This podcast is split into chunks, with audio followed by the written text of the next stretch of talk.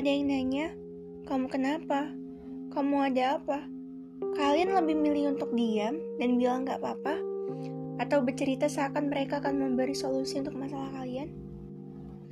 Terkadang saya hanya bisa diam dan senyum kalau disuruh bercerita tentang apa masalah saya. Saya lebih baik diam karena mungkin saja mereka hanya penasaran dan saya nggak mau nambah beban orang-orang yang menyuruh saya bercerita.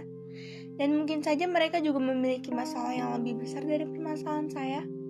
Mungkin saja.